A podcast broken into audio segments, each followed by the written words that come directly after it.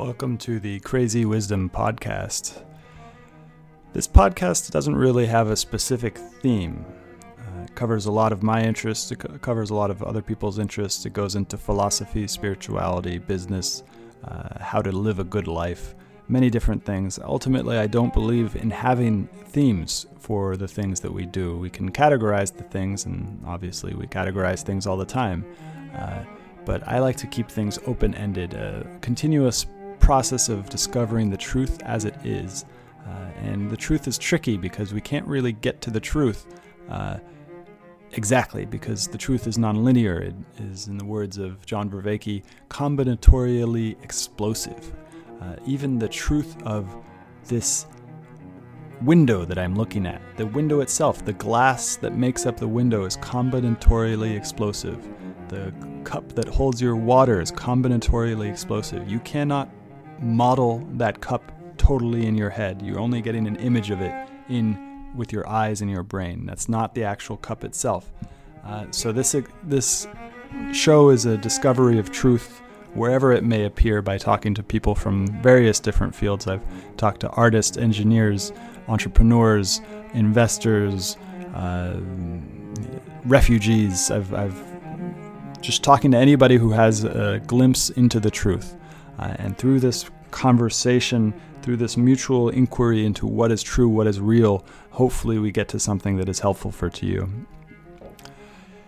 Now, we are in a time of crisis right now, uh, but it is in those times of crisis that we find our strength. And so, this show hopefully will help you to find the strength that is resting, that is deep inside of you, that is part of your birthright as a human being, uh, and find that strength so that you can get through these difficult times. Also, I want to let you know that I'm offering breathwork sessions uh, every day. I've got seven sessions a day. Uh, and really excited to bring this to people. People have been really enjoying it, and it has brought strength to people and courage. and And that's my that's my goal is to help you find the courage to uh, not only survive but to thrive in the next couple years, maybe because this virus is not going away. Um, it, it, usually viruses come in waves. Uh, so this is the first wave. It will go away, and then it might come back. I'm not saying that I know for sure it will come back, but we are in this for the long haul. So this is a uh, marathon, not a sprint, uh, and I want to do everything I can to help you not only survive but to thrive. Uh, so. If you are interested in that, please find me on Twitter at Stewart Alsop III. My DMs are open. I'd love to hear about what you think about this show. Uh, also, it'd be very, very kind of you to both subscribe to the show on Spotify, Stitcher, uh, iTunes, many of the major pot plat- platforms. And if you're really feeling generous, go ahead and give a review on iTunes. So join me for the breath work. Just send me a message on Twitter at Stewart Alsop III with your email, and I'll add you to the email list where I'm sending out emails for the schedule. Uh, hopefully, see you there. Have a great day. Welcome to the Crazy Wisdom Podcast. My guest today is Stuart Christoff, and he is the director of the Urbit Foundation Grant Program. Uh, welcome to the show. Thanks for having me. I'm excited to have a good conversation. Yeah. And so, what is the Urbit Foundation Grant Program? So, at its core, the, the grants program is, is designed to bring people into the Urbit network and, and give them an opportunity to start building uh, applications, tooling, networks, uh, you know, of their own that uh, can then go, you know, and grow beyond the, the funding from the grants program and into, you know, Urbit native companies or or other uh, projects. And then, um, so, and is that for technical people? It's primarily focused at present towards developers. We are also kind of trying to de- develop develop culture and you know arts and oh, cool. and other sort of uh, endeavors but right now there's so much to be built from a technical side on Urbit that that the core is hey how can we get developers in here who have you know learned Hoon who are learning the the platform and and then really want to go and create you know applications and, and use cases for uh, their Urbit endeavors. And then endeavors is really interesting. What is the time frame under which you'll start? You you think that all of the back back end type of stuff is finished, or not finished, but so, 90% complete. Yeah, so I'll, I will uh, kind of come to this with the caveat that you know I am not a highly technical person. I've I've kind of come to the Urbit world from uh, running small businesses and and just seeing it as this sort of self-evident place where you can build a business that is yours. Um, that said, it's not ready to to be the place that you really build yet. Um, I think you know if you if you talk to some of the more uh, you know core developers, there's still stuff that happens has to happen on the security side of things. There's still some you know scaling and reliability things that need to get sorted out. Um, probably kind of within two years, a lot of that stuff will be squared away and you know you'd really be able to start using your urbit for much more substantial uh, projects running a business um, you know large communities stuff like that. And so i'm going to take a in a strange direction potentially. Uh, how, how much is a star at the current price right now? Um think it's in the ballpark of six grand it's kind of flowed, you know, just as as the uh, ETH market has crashed, it's kind of you know like the rest of the crypto and crypto adjacent world, um, not not yet readjusted to current ETH prices, but um, it's yeah, I think last time I checked in in the ballpark of, of about six grand. Okay, I'm going to buy one hopefully today. Um, and uh, and okay, so this is gonna be a great question for you because uh, you're not super technical, but I imagine you know what it's like for me buying this star. Uh, how uh, how horrific would it be for me to try to uh, pr- try to set up my own star as a non-technical person? So this is actually a great question because I think we're probably in this very similar camp. Um, so we don't, I'll kind of answer it a little, a little bit of a roundabout way. Um, like I said, I've, I've been running sort of small businesses, specifically in like the marketing agency world for a decade and seen all of these pain points of, okay, That's, how am I setting up my systems? Where does my data live? Does this tool connect through Zapier to that tool? And how many admin panels do I have? And like just this whole nightmare of SaaS tooling that is just like painful. And, and, it has a real impact, not just on the person that has to go and run all this stuff, but it means that fewer and fewer people are running their own little small businesses, doing things that are kind of exercising their will, supporting their life, you know, in, in the way that they conceive it. Um, and, and, you know, it just drives you towards getting you know, if you're a successful business, you're getting acquired by a bigger business. And if you're not a successful business, you're going and, you know, taking some soul sucking job that is not really all that enjoyable and, and doesn't probably doesn't make the world really a much better place. Uh, and so I came, you know, I, have seen all of that. My kind of mission in all of this is to say, how do you enable more people to run their small businesses? And so when I saw Urbit, this this was clearly the place to go and build. Yes. That said, not there yet. Um, you know, uh, there's there's sort of this promise of uh, Urbit being a personal server that you don't need to be a sysadmin to know how to run. Yeah, but um, you do. That that resonated with me. At this point, though, I have started to accidentally become a sysadmin to learn how to run it. Um, now there, there's a lot of like really helpful people. People are very interested in helping you learn how to run all this stuff at a basic level. Um, for example there's a guy on the network Sitful Hatred that has written up amazing guides on how do you do this right? From zero to, to 100 what do you need to go and do to be able to you know run it on a virtual machine or a virtual private server? What do you need to do? You know what are all of those steps that you need to take and he is the reason that I have succeeded in running a few stars. I have never had any hiccups. I just follow the instructions and it's like, boom, there, it works out. Um, could, uh, could we get those instructions for my show notes? Oh yeah, yeah. I, I can uh, definitely send you the, he's got a, you know, both an Urbit group and a sort of clear web website that has just blog posts that have, you know, how to get started and all sorts of different, you know, functionality that you can uh, start to enable, which is really fun. Okay, so interesting. And how long do you think me having that instruction sheet? Uh, how long would it take to get uh, up and running? A day. Like I mean, you, like you could you could do it within a day. Sweet. Okay. And I've got somebody who's technical, uh, who can help me with it, um, but he's not. He doesn't know how to program with Hoon. Um, is that an issue? No. So to to run a star and just kind of basically get it up and running, um, you don't need to know any Hoon. Um, okay. It it will largely just run itself. Line? There's in the in the command line, um, but that is basically all going to be like to set it up is basically all going to be Linux, uh, Bash, oh. you know, terminal commands.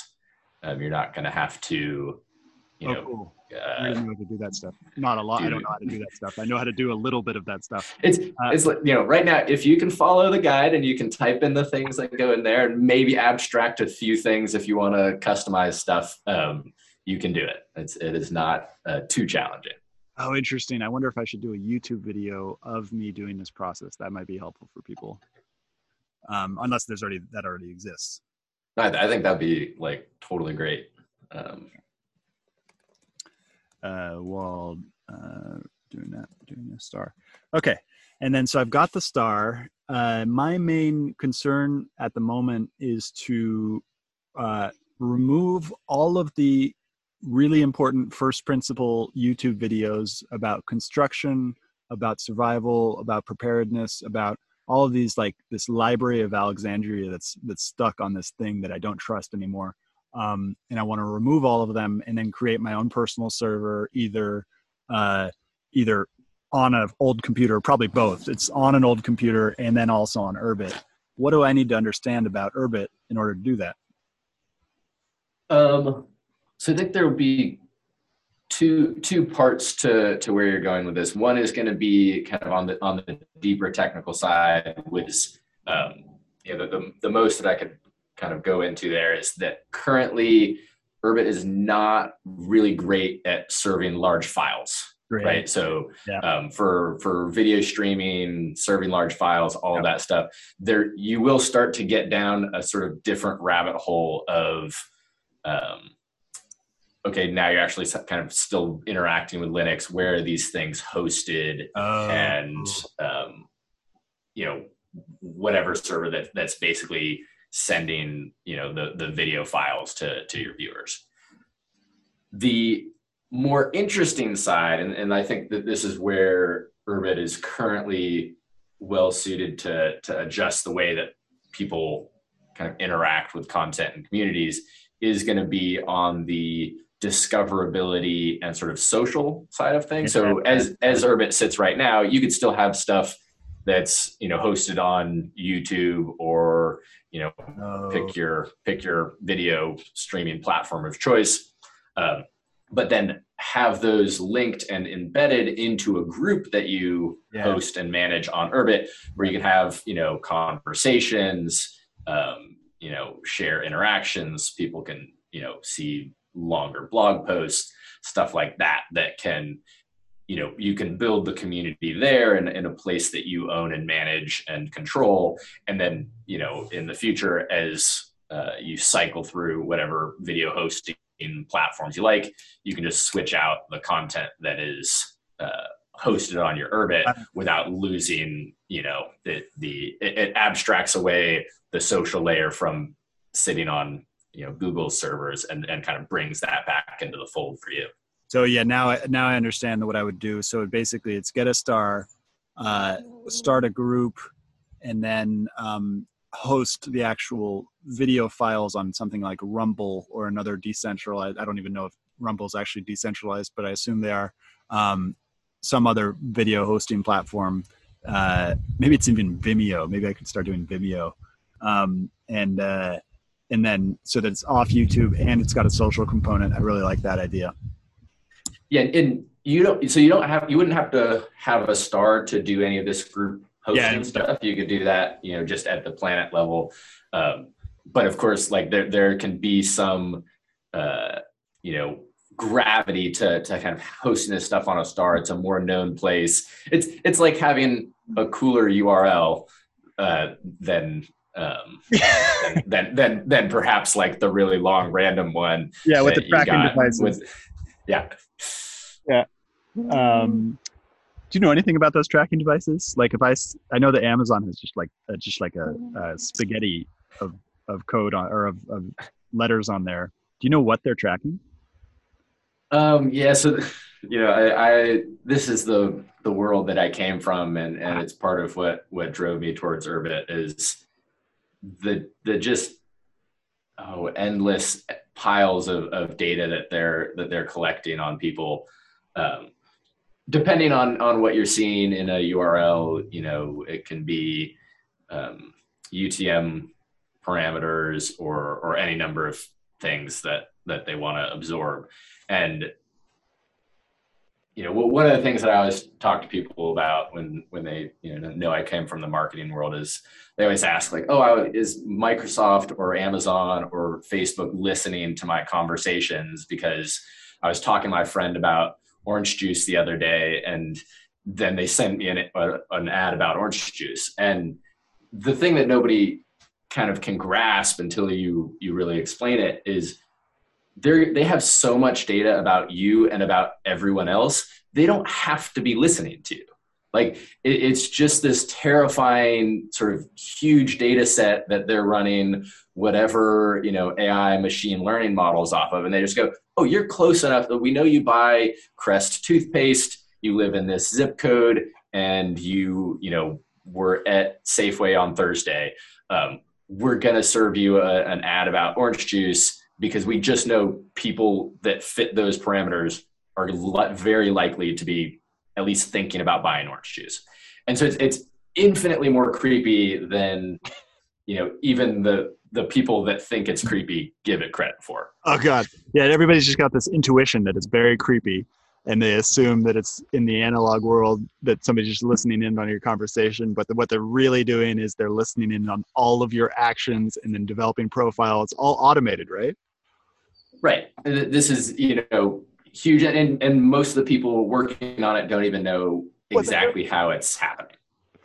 Oh my god it's so crazy. Uh, and then so where i am right now where i just haven't cared so all the links i don't take off that stuff so they're just tracking me. They know who i am but they don't really know who i am as in like google employee or even the google ceo if they wanted to somehow ally with some sort of strange government uh, person then you know they won't it's not it's not like they'll actually get my name and figure it out but the all the governments are buying that data so the governments themselves can do that. Well and, and i think your, your point you, know, that you noted about your intuition being wrong is, is kind of the main one here is like as we've transitioned from a very analog world where all of your interactions like you know who you're talking to you know who's there all of this stuff to this digital, oh. you know, digital, you know, what, what you hear about in the sort of tech space is, you know, digital transformation. We're digitally transforming. We're going through all of this, but people's intuitions about what they're owning, how they're interacting, where their information is going are, are totally out of whack.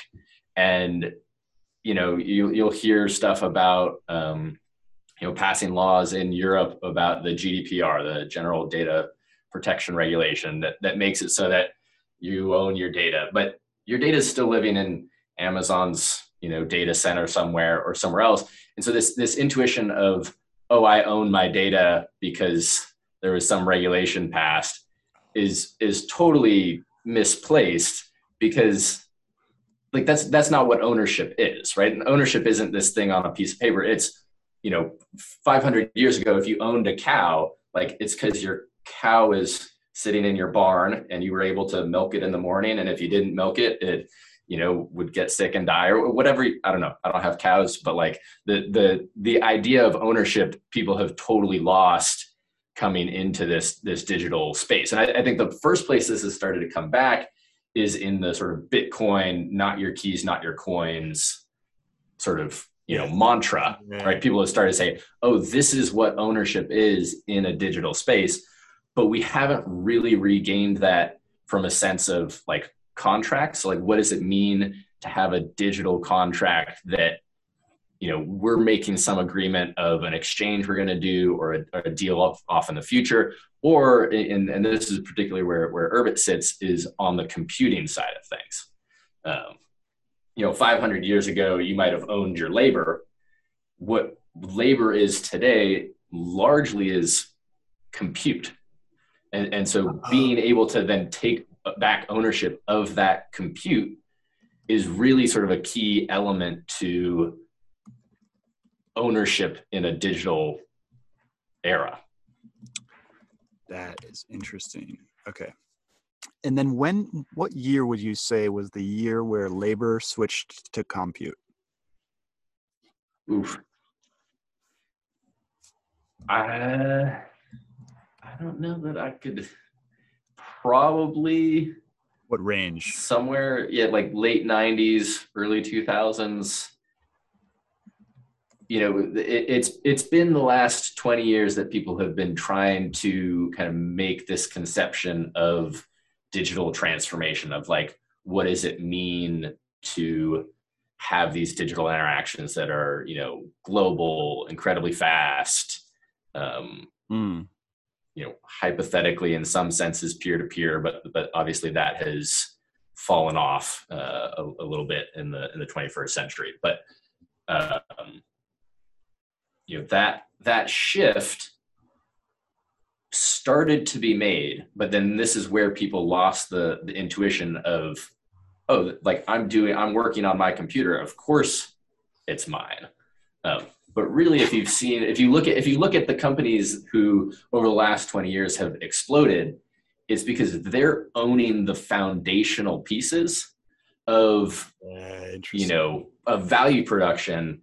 And everyone else is kind of just like operating on top of it. Like hey i'm a designer. Maybe i'm doing some cool stuff in figma or you know i'm a lawyer and i'm you know working with my clients. But but really they've been offloading the understanding of their business to say quickbooks which has slowly Oh. been pulling away from having a desktop application and now that all of your stuff is online. What happens if they want to change their apis like you're not now owning that fundamental part of your business which is like your bookkeeping your accounting. Like people want to they've, they've offloaded this because i don't know it's can be a pain. It's um, it was easier to do at the time. Like all of these things but now you know they're seeing like oh gosh if someone wants to change my apis uh, uh, jack up their subscription prices whatever the set of things are do you really own your business if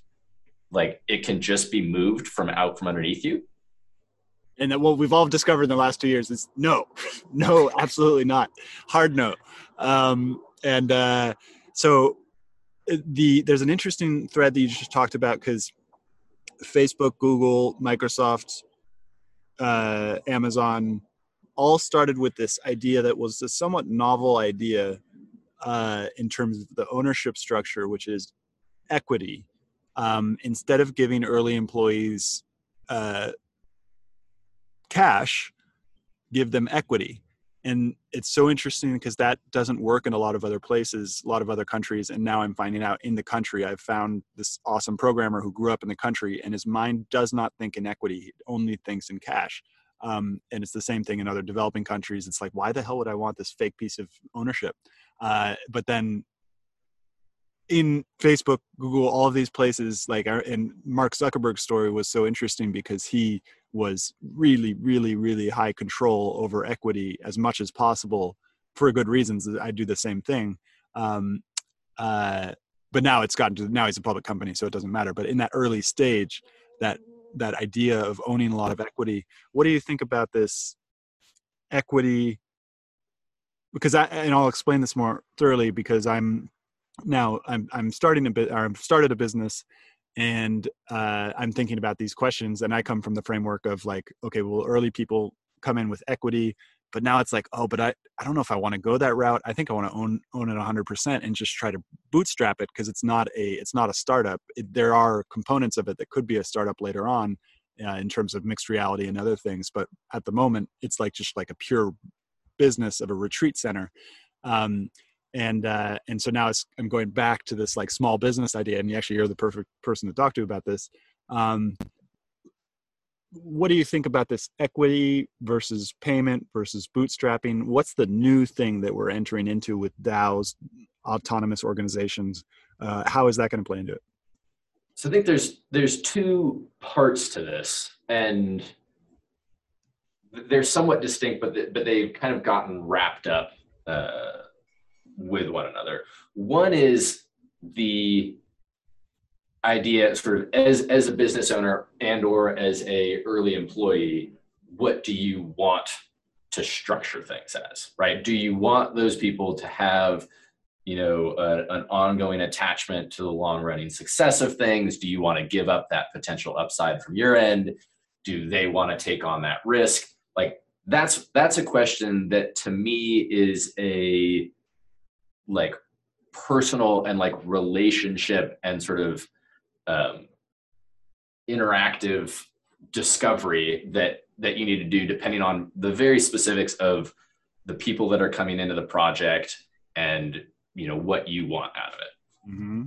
um, the other end of it on the call it dao smart contract all of these sides of it is you know a bit of this reaction to like what i would call uh, the you know GameStop, Citadel, yeah, um, Robinhood thing, which is do you actually have equity in a business if what can happen is trading gets stopped um, oh. you know people are people are front running your trades or mining all of your data to um, make decisions about all this stuff um, because they've got you know a huge data set on people that are trading for free and actually that you know they're feeding that to their their backers that are making you know much bigger trades happen.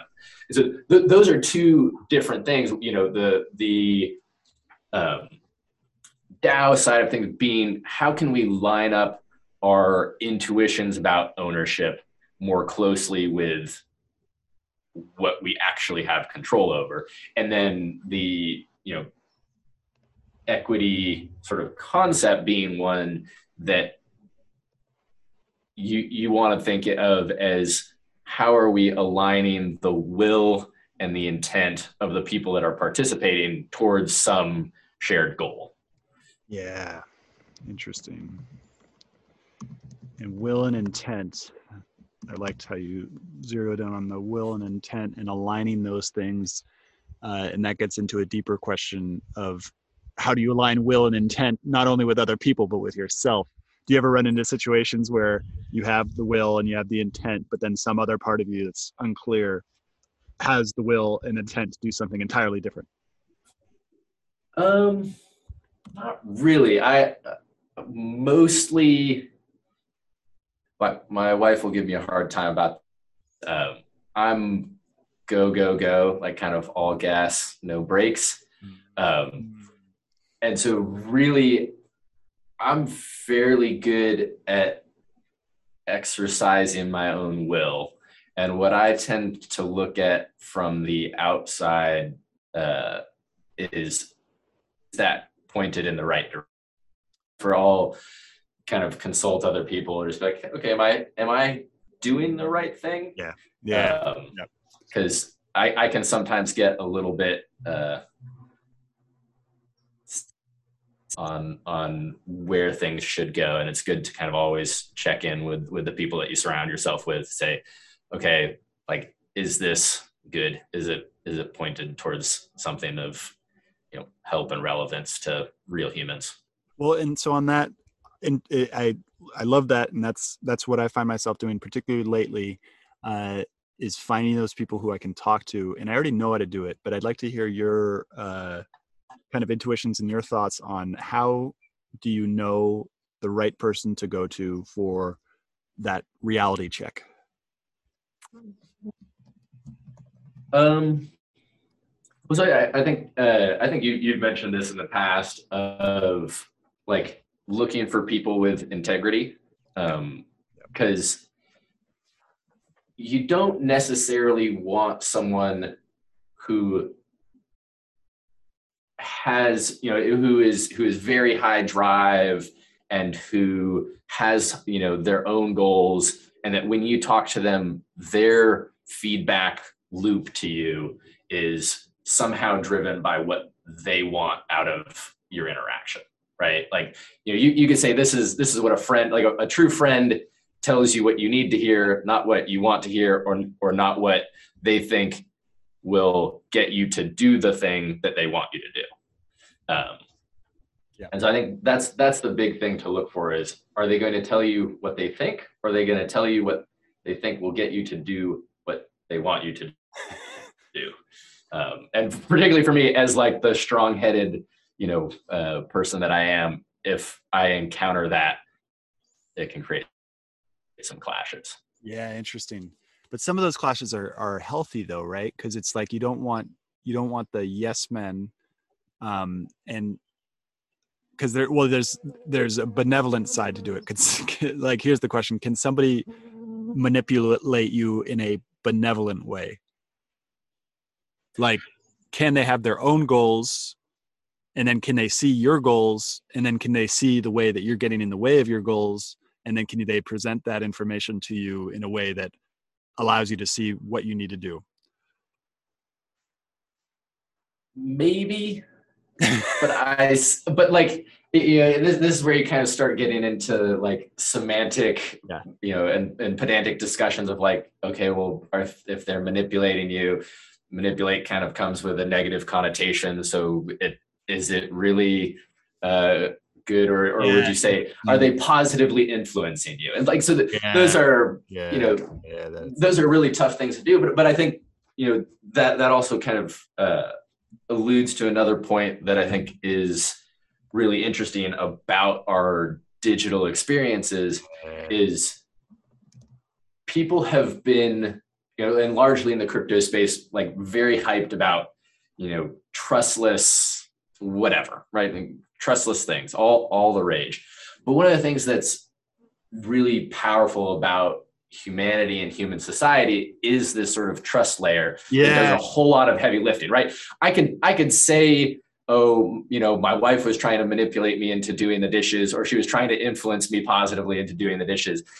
But the, the words that i use are, are vaguely irrelevant because what we know is like this is a, a positive relationship full of trust yeah. that that we want to do and that like you know is, is aimed towards something good um, but if you're trying, you know, to to get a computer program to do stuff, you need to be really pedantic about those things. But but it's oh, infinitely difficult to actually do that, right? It, it always gets gamed. Once you define it, it can therefore be gamed, and you know have all of the, the issues and stuff that you can. And so like that was another part of the the Urbit space that really drew me in was okay, how can you bring trust into a digital first or you know into a digitally native environment because that does so much heavy lifting like so I, i've done gazillions of contracts and proposals and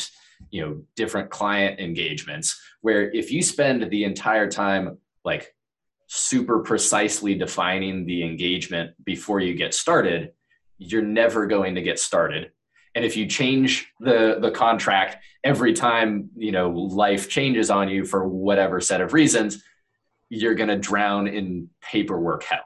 And so the, the the best engagements are always with people that you you know have built really good working relationships with. You can kind of go on the fly. You've got you know a, a shorthand in the way that you interact. And all of that stuff sorry you know eth maxis or whoever can't get done by a smart contract right? Like yes. you yeah, what you need yeah. is the the trust layer to to come into that and say okay you know here's the the framework of our contract that's got five steps at each step i'll pay you we'll mutually agree that each step is complete yay Like it, it doesn't need to be more complicated than that from a smart contract level. You just need to be able to say, all the stuff is done, and we can make that agreement without it being intermediated by, um, you know, a fiat money system that is a pain to send money on. Is not going to be intermediated by a legal system that is more of a pain to interact with than just not.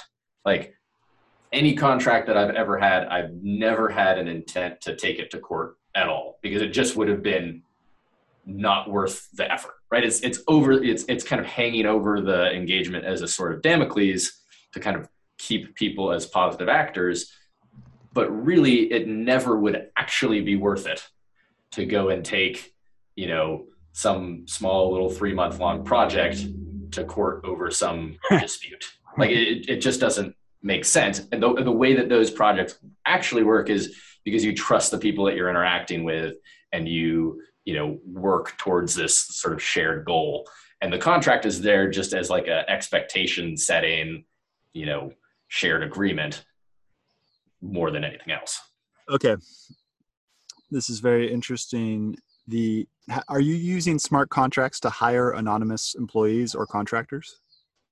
I'm not. Okay. Have you seen anybody do that? Um, I have heard of people doing it. I did, I have not. I, have got no, uh, you know, insight. firsthand knowledge uh, or insight into kind of how people are doing it. Okay, so let's move on to the, what I really want to discuss with you today, which is the uh, the um, hackathon that you're putting on or that you're helping to create. Yeah. So um, what's what we've got coming up in September um, is Urbit sort of annual unconference assembly. Um, that'll be in Miami. Um, I think uh, the 22nd to the 25th. Um, and what we want to show off there is some of the stuff that people have been building on the network. Um, so at assembly last year, uh, software distribution was rolled out, which makes it uh, much easier for people to both distribute and uh, download applications from you know fellow Urbiters. Um, since then, people have been launching applications left and right. Um, mm. I think there's been more than one a week for the last six months or something like that. Um, in in conjunction with that, we Oh, yep. Go for. I have a quick question. Uh, is anybody doing a QuickBooks on Urbit? Um, we are not to QuickBooks on Urbit yet. Uh-huh. Uh, there is a books uh, bounty that is currently being worked on by the guys at Quartus, mm-hmm. which is the Dalten Collective's um, software development arm. Um, so that will enable you to do uh, sort of in its in its initial uh, release tracking of um, an arbitrary uh, ETH address and the transactions that go into it, appending um, notes to it, um, and then also kind of having a Rolodex, if you will, of ETH accounts and being able to map them to you know names and uh, Urbit pat keys. Um, not a QuickBooks capability yet, but like we're headed in the right direction you know? Um, and then for the the thing you were going to mention about the unconference what were you going to say? Yeah so the, the you know we're, we're running a hackathon that'll be um, that will culminate at assembly where kind of the, the top contributors will get a chance to demo their um, applications or, or projects uh, that they have built uh, in the last you know three months. Um, and the intent behind this is we just ran our uh, most recent cohort uh, and, and, sort of first official cohort of Hoon School Live, uh, where we have 61, I think, new Hoon developers nice. that um, now are going to have kind of the, the baseline skills to go and develop Urbit applications. Um, between now and assembly, uh, we're also running an app school live um, cohort that will take kind of the basic Hoon programming language knowledge and wrap it with uh, more more structural understanding of how to build an application, give it a React front end, and then distribute it out to uh, you know the the network in uh, in a sort of peer to peer manner. Um, and so all of those people coming out of Hoon School Live are sort of eligible to apply for a, a, grant, you know, propose a project that they want to work on, get funded both to work on their project as well as get the opportunity to win additional address space at assembly. Um, you know, we'll, we'll, have some prizes that are picked by the Urbit Foundation's um, sort of judge board as well as uh, voted on by the, the broader community and um, assembly attendees. That is really cool. Uh, so I would love to participate in the hackathon. And I remember my last guest uh, talked about how uh, it wasn't only the programmers, the programmers can also connect with people who aren't, aren't technical, but who have ideas and stuff like that. Yep. Yeah. So there's um, kind of like what we're shooting for is teams of two to three people uh, that cover sort of a, a, a, an array of skill sets, right? So you, you obviously need uh, a competent Hoon dev, so someone that can do the back end. Uh, there's also an opportunity for sort of front end development. Um, you know, so if you're a JavaScript uh, programmer, uh, TypeScript, you know, pick your pick your front end. Um, you know, that's that's a useful skill set to participate here. And then beyond that, there's also you know a lot of work to be done on sort of vision, user experience, um, ideation. Like what what kind of digital experiences do you want to create in an application that then runs on top of your Urbit? So um, kind of finding a finding a crew of people that are interested in uh, a similar project um, and, and pulling them together, you know, and then and then presenting at assembly is is an excellent goal to have for people. And then this will be totally remote, right? So all of that happens remotely. Um, all of the work can happen remotely. The assembly event is in person, and demos of projects will happen uh, in person. But if you want to propose a project and and still get funded for for the project specifically without potentially winning the hackathon, you can still you can do that all uh, totally remotely. Cool. And uh, I'd like to pitch you something. Uh, basically, I'm I once. Do you know what Meow Wolf is? I do not. Um, uh, you might want to look it up on on Google. Uh, Meow Wolf, and then look at the images if you do. Uh, Meow Wolf is a basically take Burning Man and mix it with Disneyland, uh, and then put in a bunch of psychedelics, and you have this amazing immersive art experience in. Uh, and the first one started outside of an uh, art collective in in uh, I think it was 2012, 2013, and now it's grown massively, and they've expanded into uh, Denver and uh, Las Vegas, and they're going to go nationwide. It's like a new theme park type of thing, but it's all immersive art, and it's just mind blowing, like literally mind blowing. It will blow your mind to go there. Um, and so I worked with them, and they did an ideation uh, conference, like what you're talking about. Uh, and it was the basically the opposite of what I'm imagining your assembly will be because it was no programmers. I mean, some of them are programmers, but they were all really, really divergent artists. Um, and I led some exercises, ropes course exercises to uh, promote this ideation thing for them, uh, and it worked out really great. Uh, and I'm wondering if there's some sort of space where I could, in the actual hackathon itself, provide some sort of team building exercises for the uh, for the people who are um, doing that. And on the online component i've done a lot of it as well but it would be it would be awesome assuming that you guys are interested in it to collaborate in some way of providing this type of team building to the teams.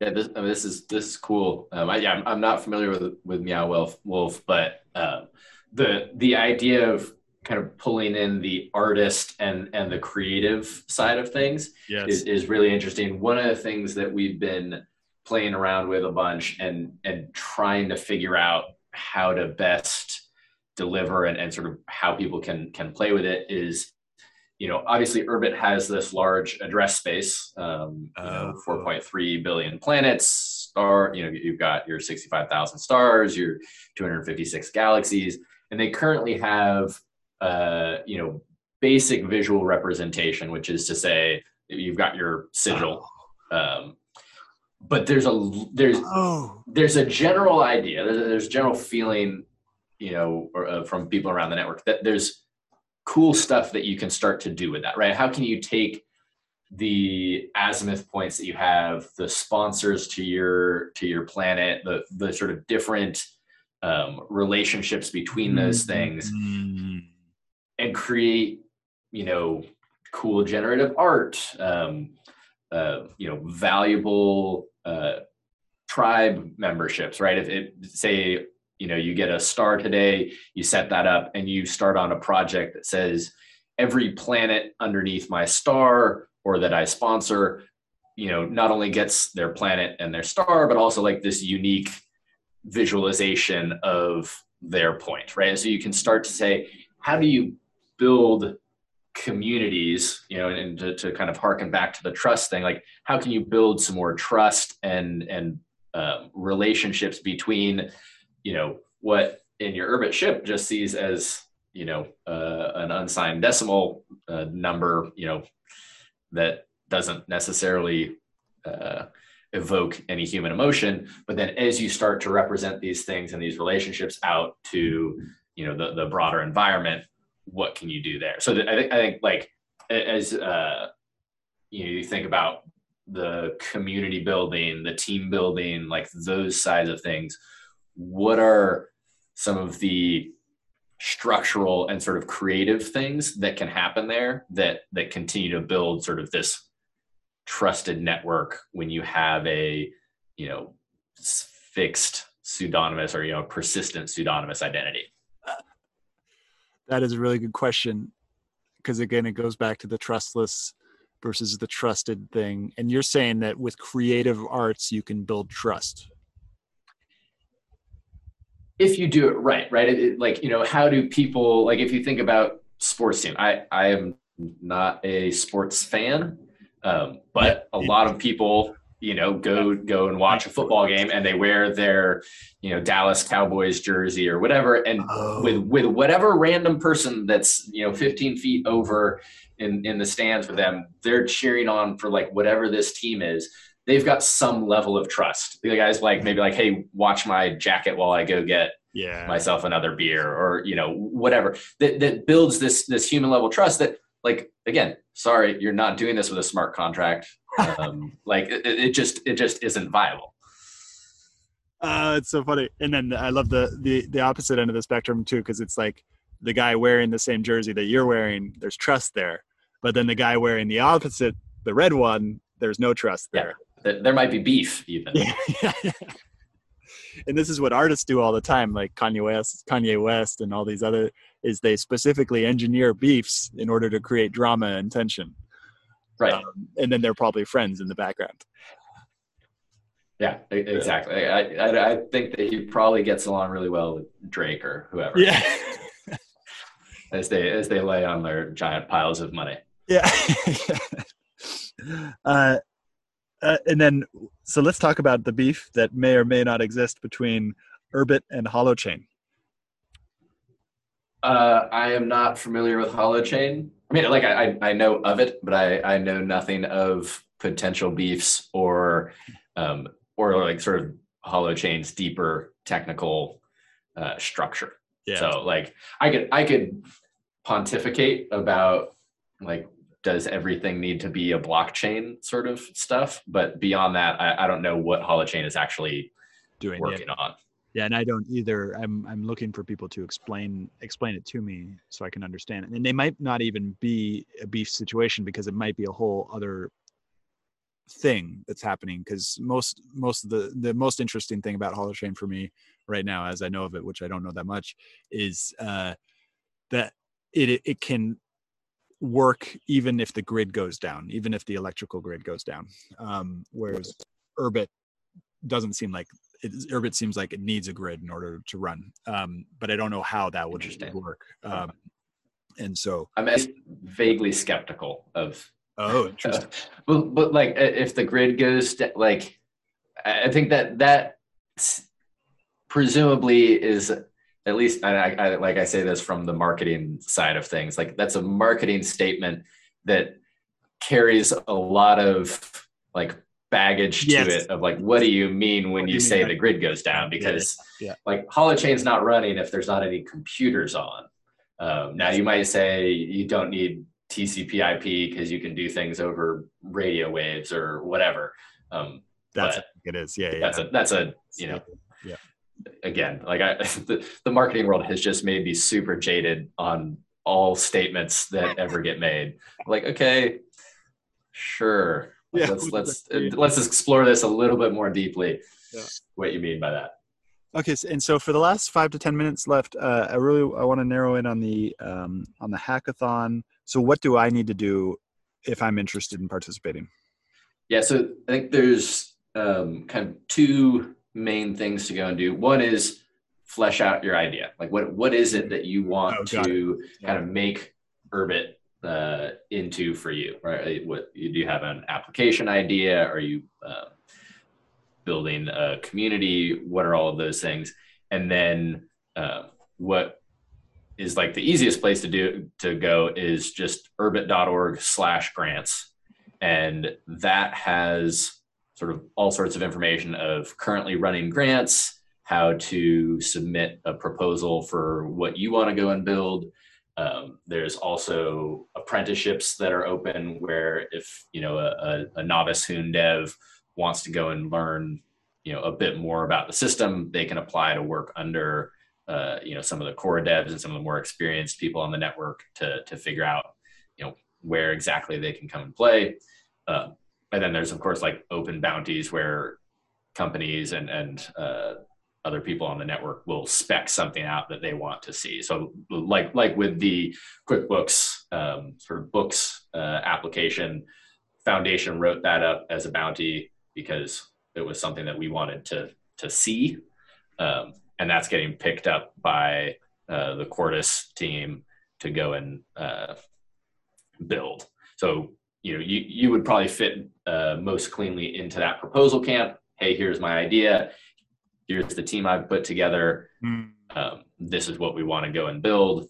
And then uh, you would kind of shop that around the network. Then the nice thing about this for me is i get to be at least a little bit lazy and sort of offload the um, decision making power of what should get built on the network to a, a, group that we call the Mars Invisible College, which is a set of past contributors, sort of people who have built things on the network, who you know have have a presence and say um, want to focus on projects that will really bring value and, and, and sort of viable use cases for people um, into into reality.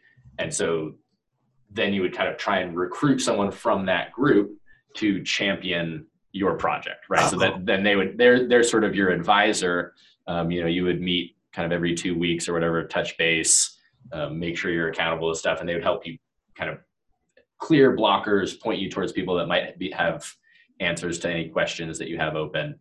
Um, and so that way, it's not you know we're we're taking a bunch of um, you know young bucks and like saying hey hopefully you figure it out but but really people have someone to interact with and, and sort of learn some of the more uh, odd ins and outs of of the sort of Urbit system because obviously it's, it's a kind of brand new stack that uh, can be a little bit yes, novel for people.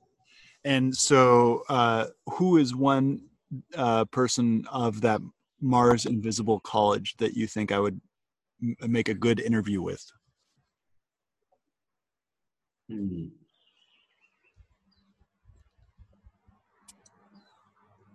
one person that could be interesting if you're kind of you know in, this sort of nft uh-huh. um, community space uh, is Little Wolfer.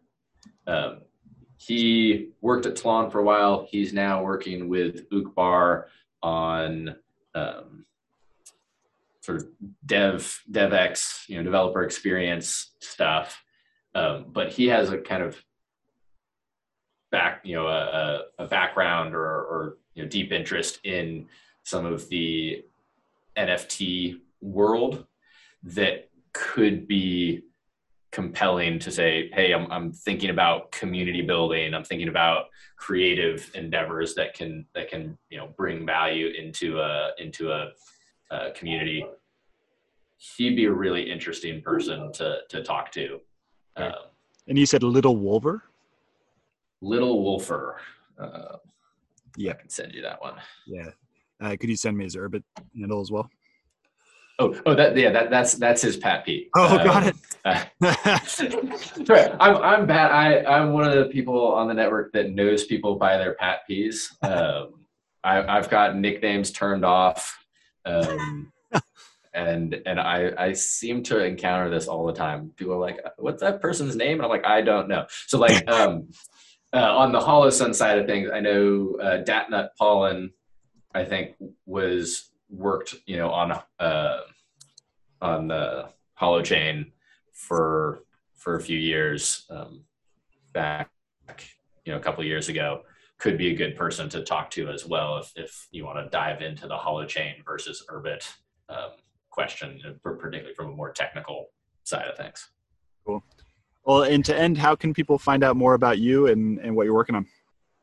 Yes, I think the um, easy way to find us on uh, you know the clear web. Um, follow at Urbit Foundation on Twitter. Um, that's where we put out kind of regular updates on what's happening with the grants program, um, things to go and check out. And then uh, if you want to get more involved in the grants program itself, urbit.org slash grants.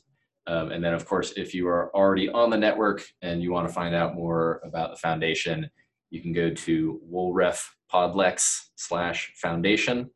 Um, and we've got a group there that is, you know, chatting about cool grant ideas, projects that we want to see around, meetups that are happening, um, sort of anything and everything that's uh, coming out of the foundation uh, on a regular basis. Thank you so much. My pleasure. Hope you enjoyed this episode. I'll be publishing episodes every Monday, Wednesday, and Friday in the morning. If you did enjoy this episode, please find us on iTunes, Spotify, Stitcher, many of the major podcasting platforms, and go ahead and give us a review. And also subscribe. And as always, I'm on Twitter at Stewart Alsop III. Come join the conversation as we aim towards the truth. And funny thing about truth is that you can't really put it into words because every time you put the truth into words, you create a linear narrative out of something that is non-linear. The truth is non-linear. It's not. It's it's. If you really recognize the truth right now, your mind wouldn't know what to do. It'd be overwhelmed by beauty, and pain, or it's it's something that is beyond our linguistic capability to represent. But that doesn't mean that the language isn't helpful. Language can point us in the direct right direction, but it's it's not it's not the truth itself. And so come join this collective inquiry into the truth. Find me on Twitter at Stewart Alsop III. Uh, subscribe to the podcast. Share the podcast with your friends. Most people don't have the ability to let go of this linguistic understanding of the way that the world works and just aim for the truth regardless of what the language tells us. Uh, and so I think what I'm doing with this the show is is necessary for us because as we enter this stage of uncertainty uh, and we are most definitely entering an age of uncertainty. And as we do, it's really, really important we stop paying attention to what the mind is telling us all the time. Doesn't mean to say that the mind doesn't have its place. The mind obviously has its place, but it's just one of the senses. It's just one of the tools that we can use. We can use the mind, we can use the feelings, we can use our actual senses. Uh, we can check our intuition with other people because sometimes the intuition tells us the wrong thing as well. Sometimes the intuition is wrong. So it, we can't we can't rely on any one tool to get us there. So come join the show. Find us on iTunes. Find us on Twitter at Stewart Alsop III. Uh, and come join the, this inquiry for truth.